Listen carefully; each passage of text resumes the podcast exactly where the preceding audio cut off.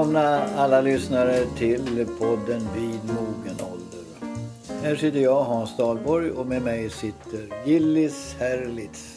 Ja, ovanligt. Du Gillis, för ett antal poddar sedan så hade du gjort städning i din bokhylla och Ja. kom till mig med en present. Nämligen Gunnar Rordahls memoarer. Just det, ja, ja. Och nu vill jag gärna göra något reciprokt här eftersom jag också håller på och städar i bokhyllorna hemma. Och då har jag en foto, fotografisk guide till fåglar i East Africa. Nej, och den menar du att jag... Alltså du har varit, levt och bott i Östafrika och du tycker om fåglar. Nej, men vilken perfekt kombination. Tack snälla du. Verkligen roligt. Kul att bläddra i. Titta här, jag känner igen många av dem. Många av de här fåglarna som jag bara hastigt nu bläddrar. Väldigt fina bilder förresten. Känner vi ju igen från Sverige. Fast de befinner sig i Sverige och Östafrika vid olika tidpunkter på året kanske. alltså jag tror den ena var, levde fritt och i Sverige bodde i burarna. Ja, Finns ja, ett en så är det ju också ibland. Men här, har du sett den här? Väldigt vacker fågel. En trana med en, en krans av fjädrar, eller nästan som en solfjäder uppe Ja, på huvudet. ja. Den heter Crested Crane, eller krontrana. Och Okej. det är faktiskt Ugandas nationalfågel. Nationalsymbol. Tänk vad du kan. Nej, men just det. Men nu kan jag det också. Fullkomligt överflödig kunskap. Nu kan jag, du, på tal om överflödig kunskap och överflödiga saker, fåglar. Vi har utanför eh, kusten, eller utanför vårt sommarställe på en ö, Ja, skarvar som har helt övertagit denna lilla ö. Och eh, de har ju ätit upp allting på ön och sen så tar de ju naturligtvis till eh, den fiskande befolkningens förtrytsamhet, all fisk i vattnet. oj, oj, oj. Och när vinden ligger på från fel håll. Inte kul.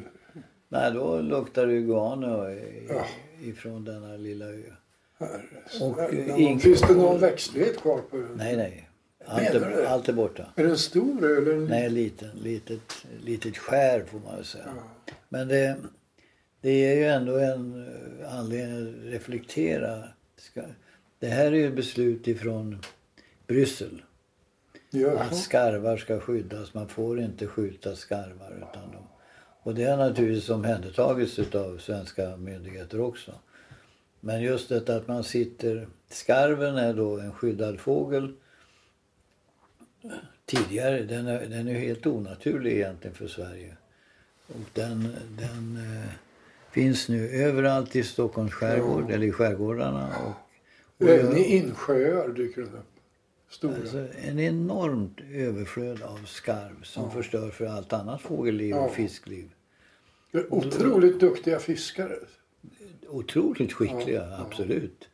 Men det gör man, alltså Europasamarbetet, EU skapades som, eh, till att börja med som ett fredsprojekt. Ja, absolut. Alltså, men vi ska inte kriga mer i, i Europa. Nummer två, det skapade enorma möjligheter genom frihandel. Och eh, Detta är goda saker. goda, utomordentliga saker. Men då så börjar man också i, centralt i, i Bryssel, i Europa, hitta på en massa saker som egentligen inte var ursprungstanken. Varför inte ha samma synpunkter på skarvar som Ja, just eller jordgubbar eller vad det nu ska vara. Och jag tror att den här Brysselbyråkratin, det är, den, den är orsaken väldigt mycket mer än andra frågor för, Absolut. Missnöjet. ja, för britternas ut, Ja, det är också. Om det nu och blir något. missnöjet. Om det nu blir något. Ja, vi, jag tror ju inte. Nej, jag vet inte. Men, men det, jag tycker det är vemodigt att, att, och tråkigt att man förstör ett, ett sånt magnifikt projekt som EU med den här enorma eh, viljan till centralstyrning utav fullständigt felaktiga grejer. Det är lite klåfingrighet. Ja, jag tycker det. Tror du att det kan Nej, men alltså skarv, skarven kan ju mycket väl vara en, en sällsynt fågel i andra europeiska länder och där är i behov av skydd. Här är den ju... Alla andra fåglar i behov av skydd där på grund av skarven. Ja, ja. Nej, jag tycker det är väldigt det, konstigt. nej, den där klåfingrigheten, jag håller helt med dig, har skapat säkert mycket av misstron mot eh, EU.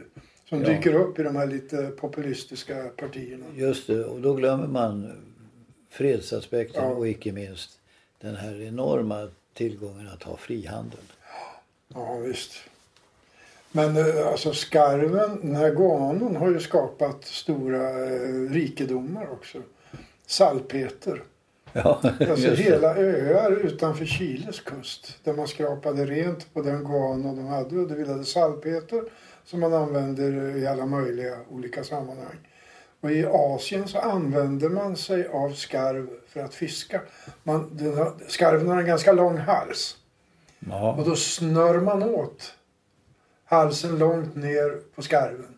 Och så skickar man, har man dem bundna i någon rem eller snöre. Så skickar man ut dem i vattnet. De dyker omedelbart och fångar fisk. Men de kan inte svälja. Så tar de upp skarven klämmer ut fisken. Men, men, det är... men det är inte skarvar som har skapat guanon i Chile? Jo, i mycket hög grad. Är det det? Ja, i mycket hög grad. Ja. Så att det men, men jag håller med dig, alltså skarven, eller överhuvudtaget hela ditt resonemang håller jag verkligen med om att Bryssel ska hållas utanför. Och det här hotet mot, som det innebär om, om, om, eh, om EU försvagas så innebär det ju till slut ett hot ja. mot det som var den stora tanken, frihandel. Men apropå den fria handeln, Hans, ja. så finns det väl andra saker i världen just nu som är obehagliga. Jag som inte är ekonom vet inte riktigt. Jag tycker bara instinktivt lite illa om den här typen av protektionism. Att man straffar andra länder med tullar och USA och Kina ligger i ett ständigt EU. Hur ska EU agera? Trump hotade med tullar på euro- europeiska varor och EUs vara. Vad betyder det här till slut för världsekonomin och för Sverige? Alltså all form av protektionism som hindrar frihandel och en eskalerande tullkonkurrens Ja. kan bara leda till mindre handel, mindre verksamhet och eh, försvårad verksamhet. Och eh, alla är förlorare. Ingen är vinnare. Ja, men det finns väl de som får jobb i USA för att man inte Ja, kan importera. okej. Ett fåtal. Alltså det finns begränsade öar naturligtvis. Ja. Men alltså själva handeln är så gy- gynnad av att ha att vara fri. Mm. Tänk dig tillverkning utav, ska vi säga, en motorsåg. Mm. Delar ifrån Malaysia, Kina, USA, Schweiz. eh, Ja, ja. Och alla ska belastas med byråkratiska pålagor innan du får ihop den där motorsågen. Eller en eh, spis eller en gräsklippare. Ja. Eller en bil. Alltså bilarna görs ju mycket sällan. Det är ju delar från kanske 25-30 Ja. olika länder ja, som förstås. går in. Och du förstår vilka, vilka enorma restriktioner som uppstår då i, i, den här, i de här processerna. Men, men, och det finns ganska primitiva tekniker. Alltså, om du tar tullar här så ska jag ta tullar där. Ja. Och, Just precis. och så håller man på och tjafsar, tjafsar och man når ingenting annat än att man skadar.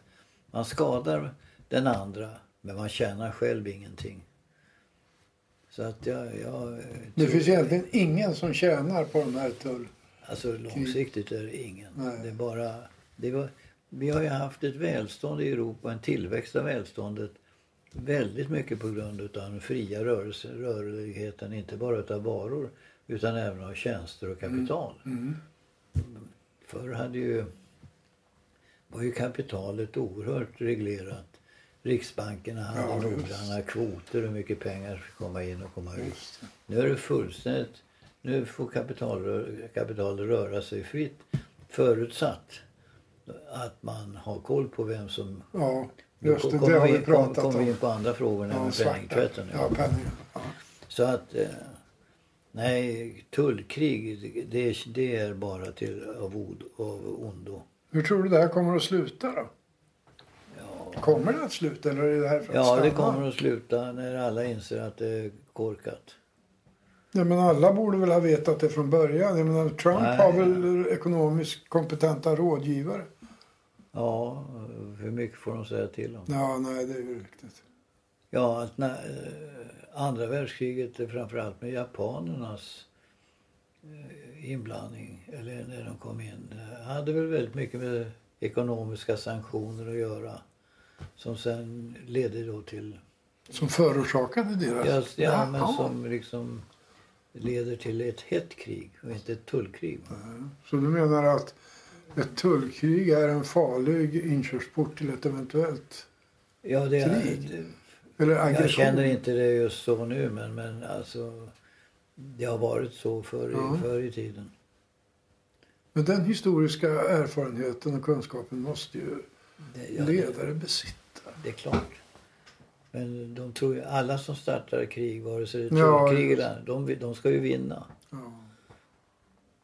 Och eh, man ser ju då på E- G20-möten och annat. Man sitter där och man vill egentligen ändå lösa upp det här men man vet inte hur man ska komma ur. Man ser Trump och Xi ifrån Kina sitta och le mot varandra. Det är mycket prestige naturligtvis.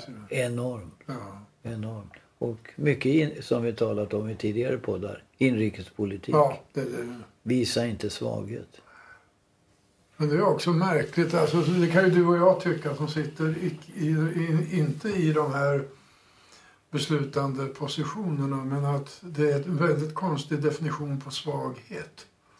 Men, Ja, det, men det är ja, ju ja. så. Alltså, det är ju så men, men svaghet är väl inte att göra det som är klokt?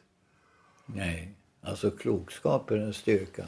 Vis, vishet. En, en mycket eftertraktad Verkligen. Vet nyttighet. du att Olaus Magnus sa redan på 1500-talet sa han, vi ska göra vad klokt och rätt är, inte vad vant är. 1500-talet. Ja, det, klokskap eh, har alltid efterfrågats. Mm. Men det är inte... Ja, vad, Och gott omdöme. Ja. Vad är det för någonting? ja just Gott omdöme det har de som tycker som jag. Ja, gott omdöme får man av dåligt omdöme. Ja, ja Saker som man man gjort. lär sig av Ja, ja, förhoppningsvis. Men, men det, det där är ett intressant begrepp tycker jag, klok. Mm. Alltså det skiljer sig ju från begreppet intelligent. Ja, det är en väldig skillnad. Ja, det är en väldigt skillnad. Klokskap det innehåller omtanke, värme, erfarenhetsbaserat. eh, Alltså dels finns ju någon sorts talang för klokskap. Ja, som, som vi kan kalla för omdöme. mm, Och sen förmågan att hantera sin egen erfarenhet. just det. Det här, det här ju leder till det här. Så mycket som jag i alla fall har förstått Ja, ja. utav det jag har sett. Klo- Och klokskap kan du inte, du kan inte reglera klokskap. Genom, re, jag tänker till exempel när man ska reglera hur företag ska uppträda på, på marknaden. Man Mm. pratar om olika koder för beteende. Men du kan, du kan reglera att hur de informerar om vad de gör. Och de kan, man kan genom reglering bringa upp till ytan saker som företag gör och inte Mm. gör. Men man kan inte reglera fram klokskap i en styrelse. Man kan, man kan möjligen bringa till ytan resultat av olika beslutsfattares eh, beslut. Och sen så får man omvärlden då bedöma var det där klokt eller inte. Och är, de, är det klokt får de sitta kvar. Var det oklokt så får någon Just annan det, ta vid. det. Men det skulle vara intressant att se en platsannons. När man säger att den som eh, tilldelas tjänsten måste ha eh, 12 års erfarenhet av det och det. Eh, civilingenjörsutbildning och vara klok. Jag undrar hur det skulle uppfattas. Det är ju det man vill ha. Alla arbetsgivare vill ju ha anställda och inte minst vill man ha chefer som Men är, är- kloka. Men vi har ju uttalanden eh, som, som egentligen utgår från postulatet att normalt är att man är klok. Men det är ju inte riktigt klok. Då, då, gör man, då är man ett Ja, undantag. just ja, ja, det är ett, ett viktigt ord i alla fall. Och det gled vi in på nu därför att vi talade om världsekonomin. Ja, jag, jag brukar... När folk försök eftersträva vishet, men Ja. vad det är för någonting. Det, Ja, det är svårt.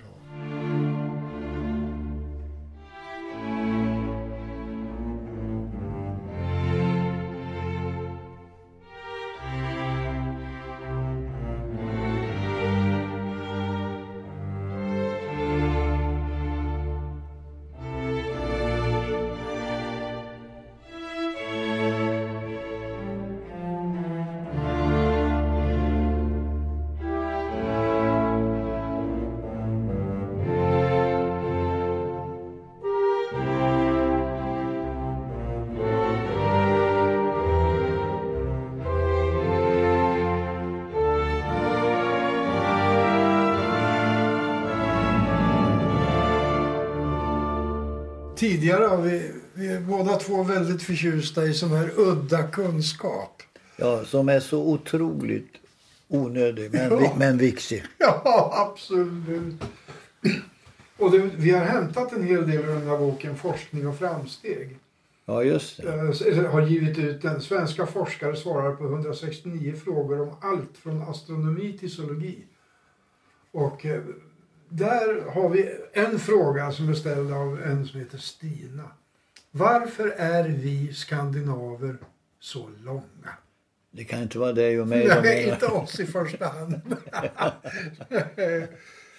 Att skand- här svarar Lars Werdelin, professor i paleozoologi, Naturhistoriska riksmuseet.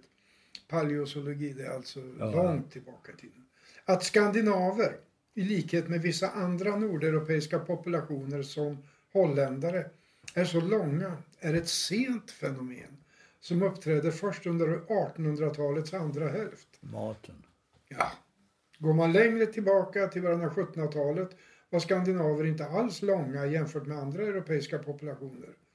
Därmed kan vi sluta oss till att orsaken inte är det naturliga urvalet, det vill säga att långa individer skulle ha gynnats och spridit sina gener vidare. Sådana processer verkar över mycket längre tidsrymder. Förklaringen till skandinavers längd är istället en förbättring av levnadsförhållanden, framförallt näringstillgång, som från 1850-talet och framåt omsatts i en successivt ökad kroppslängd från generation till generation under denna tid. Det finns dock populationer i världen som är ovanligt långa eller korta på grund av genetiska orsaker. De här massajerna som du Ja, är talar om. ganska långa. Men här räknar han upp Sydsudans påfallande långa dinka Jaha. samt olika pygméfolk i centrala Afrika. Det var ju inte någon nyhet riktigt att det var maten förstås, men jag är förvånad att, att han säger från 1850-talet och framåt, för det är då vi hade de stora nödåren. Holländarna att de är långa. Det, Ja, Men det, det är, så är det. så är det. Ja. Det är ju det, det är så trångt på Holland, i Holland. Det är ju ett tätt befolkat land. Verkligen. Så de växer väl uppåt. De får inte plats åt sidan. ja. Ja, har, har du läst någonting då på sista tiden?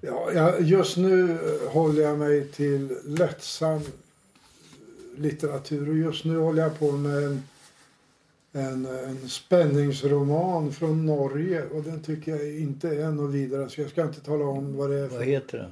Nej, det ska vi inte säga. Nej, vi bryr oss inte om det. Mannen i fönstret tror jag. Någonting Du, jag har, eh, håller på med en bok som jag inte har kommit så långt i. Som jag har önskat mig utav min kära hustru. Den heter Allt jag fått lära mig. Och den är skriven utav en kvinna som heter Tara Westover. Och hon berättar om hur det är att växa upp i en mormonfamilj. Hon är- Mormonfamilj. Mormon, ja. Ja. Hon är i Idaho. Hon är helt avskild ifrån samhället i övrigt. Och eh, hon är 17 år när hon för första gången sätter en fot, sin fot i en skola. Är det sant? Och då, hennes, det, att, att det händer överhuvudtaget beror på att hennes storebror kommer hem med nyheten att det finns en värld bortom den här lilla gården vid foten av berget. Nej.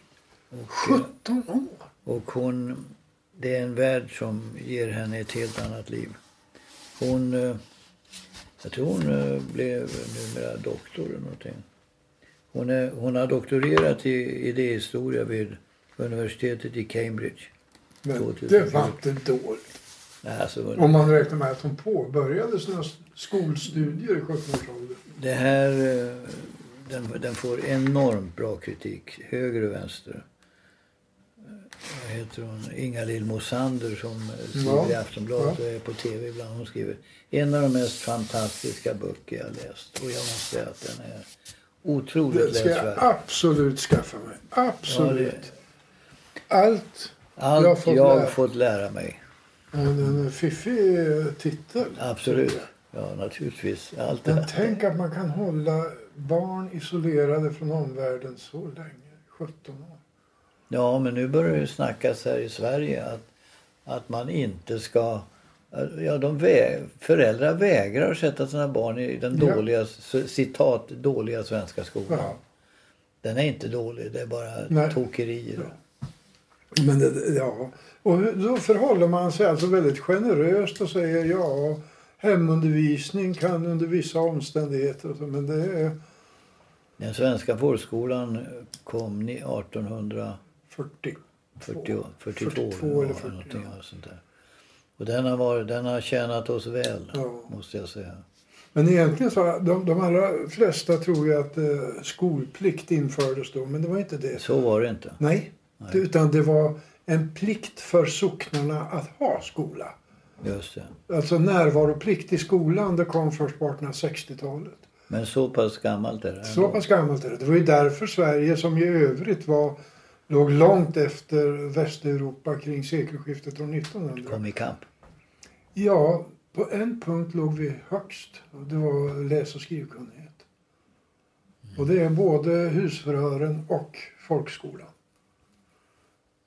Nu, Men hur har, vad har de haft för undervisning här hos mormonerna? Har du, ja, alltså det, det var ju pappan. det är pappan ja. Ja, Och det är det. väldigt selektiv kunskap kan man Ja, säga. det får man ju säga. Hon visste nog inte varför skandinaver var så långa. Nej, det visste inte jag heller. Jo.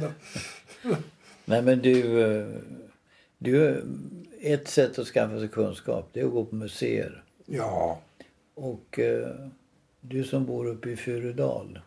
Det, har ni museer? ja, jag berättade ju kort om det i någon podd att det finns ett, eh, ett intressant museum. Norskt veteranmuseum. Eh, Det är alltså flyktingar från Norge under kriget som kom hit. Det var ju mest unga män. Och det var inte bara hit eh, till Furudal. Utan det var till många platser i Sverige. Eller flera. Och då för att få dem eh, sysselsatta på något sätt så påbörjade man vad man kallade reservpolisutbildning. Det fick, Så att de, men det var ju egentligen soldatutbildning. officersutbildning. Ja, det var i alla fall soldatutbildning. Och, och eh, det, det, det bedrevs bland annat här, eller bland annat i Furudal. Och eh, då finns det ett museum. Men när vi talar om museer så måste jag säga att jag var nu för andra gången faktiskt på ett par år i Östersund. Ja, Och eh, vi åkte ut till Frösön. Är Petersson, Petersson Berg. Pettersson Berger Ja, och ja. hans Sommarhagen. ja. Det är alltså det hem, det hus han lät bygga åt sig. Han var ju egentligen från Ångermanland, Pettersson Han var inte jämte. Nej, men han åkte dit. Hans mor tror jag var jämtska. Eh, Men eh, han blev så oerhört förtjust i landskapet och Mm. utsikten där. Och hans hus ligger, det byggdes färdigt 1910 eller 14 eller någonting sånt där. Så han flyttade ju dit så småningom. Först eh, tillbringade han eh, somrarna där men sen flyttade han dit året runt. Och eh, han har alltså i detta hus som är byggt lite grann eh, i den nationalromantiska andan som lite vikingastuk. Just. Sådär. eh, Men skrev han inte en opera som heter Arnjot? Arnjott, ja. Och den framförs där varje sommar. På en fem, sex kvällar. Inte i huset utan en särskild utescen med utsikt över Storsjön och sen Oviksfjällen med allt med Nasahöga. Det är fullkomligt betagande. Och det här hemmet det är ett väldigt trevligt museum. Det är anspråkslöst. Man får såna här lite små lurar. Ja, Och sen har man någon liten historia som man går och trycker på små knappar i det rummet. fanns inte på Pettersson Bergers tid. Nej, inte just då. Det är inte hans uppfinning. Strindbergs. Nej. och, eh, och så får man berätta vad som skedde i det här rummet. Ja, Och, och, och så vidare. Och, och sen spelar de hans musik. som är fantastisk. Ja. Han, han var ju väldigt duktig. Men han var en, också en oerhört elak eh, Kritiker. kritiker. Ja, väldigt fruktad eh, var under sin tid i. Stockholm. Jag vet inte, har du läst någonting där? Så det brukar ju finnas såna där exempel. Man kan, jag har inte gjort det, men det skulle vara kul att se. Alltså, dödande repliker. Totalt dödande. Ja, Då, då, då gäller det som skådespelare eller musiker eller sångare att ta till sig Sibelius ord. Kritiker. Man ska inte vara så rädd för kritiker. Hittills har ingen rest en staty över en kritiker. Just Ja, så var det Sibelius som Sibelius, sa det. Det. Hur gammal blev Sibelius? Han blev gammal han levde då ett eh, mera utsvävande liv tillsammans med sina kompisar. Ja. Framförallt på Hotell och Jaså, säger du det. Men Pettersson Bergers, alltså nu står det där. Och det har jag ingen garanti för att det är så. Men han sägs vara den mest spelade svenska kompositören utomlands. Ja. Men jag vet inte, det skulle vara violinkonserten eller så. För han, hans, hans Frösöblomster och sånt det är ju så oerhört svenskt. Så det, Men vad har vi annars? Roman, Stenhammar. ja, Ja, och vi har Hugo Alfvén. ja. Han hörs väl en hel del via ODs resor runt jorden. Och, Blivit spridd naturligtvis. men, men det var, och vad jag slogs av när jag var på Frösön. Jag har ju ibland svårt att lyfta huvudet. jag går lite slött emellan och tittar ner i marken. Och det var blomsterprakten. Ängarna med blommor på Frösön. Så du såg inte, du, du missade alla fåglarna i Alla träden. fåglar. Nu var det bara Blommor. Ja, blom och väldigt mycket orkidéer. Och, och det blev, jag blev så överraskad eftersom det ändå ligger väldigt långt norrut. Men jag fick en förklaring. Det är nämligen kalk, kalkstensgrund. Som det är på Gotland exempelvis. I Frösön. Ja. Och kalken håller värmen. Alltså du, du, Man lär dig, du, du lär dig. Det är ju jättekul. Ja, visst är det roligt Och nu vet jag den här också. Ja, och alla det våra lyssnare ja. vet samma sak. Att Ja, så jag stänger värmen. av. Jag vill inte höra ett ord till. Nej, men det, men det var kul. Det var jätteroligt. Och så fick jag lära mig ytterligare en sak. De hade någon liten skylt där det stod om odlingslandskapet. Att för att skydda sig mot frosten så la man åkrarna ganska högt upp. Och det förefaller mig egen. Men det var ju så att alltså, de lägre liggande ligger närmare vattnet.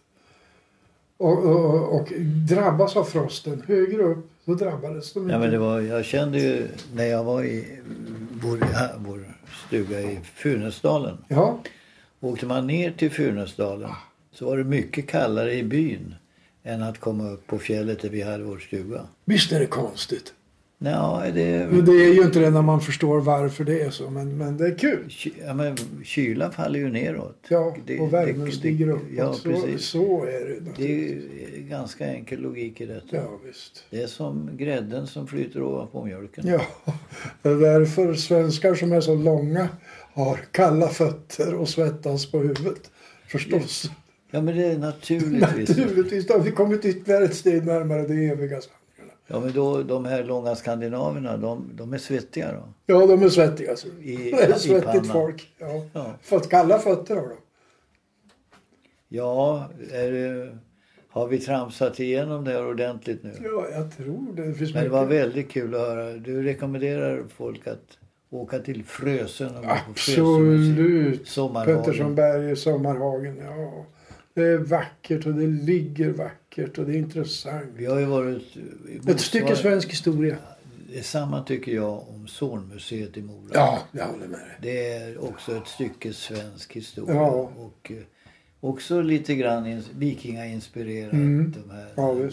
Det är nationalromantiken, det är samma. Men egentligen undrar jag om det borde heta nationalromantiken. Det borde heta provinsromantik. Alltså Ja, Anders ja. Zorn är typiskt Dalarna och, och Pettersson Berger är Jämtland. Ja, ja. Selma Lagerlöf är Värmland. Ja, så är det. Så är det mycket mer än nationen. Så det är regioner eller provinserna. Men jag tror vi kanske inte ska ge oss in i att försöka ändra terminologin just nu. Nej, men däremot kanske det är dags att eh, tacka för oss, Ja, för den här podden. ja, Och eh, hoppas att våra lyssnare får tid att åka runt i vårt vackra land. Då och då besöka ett museum ja, på orten. Och eh, i övrigt njuta av sommaren. ja. Tack ska ni ha. Tack, hej då. Hej.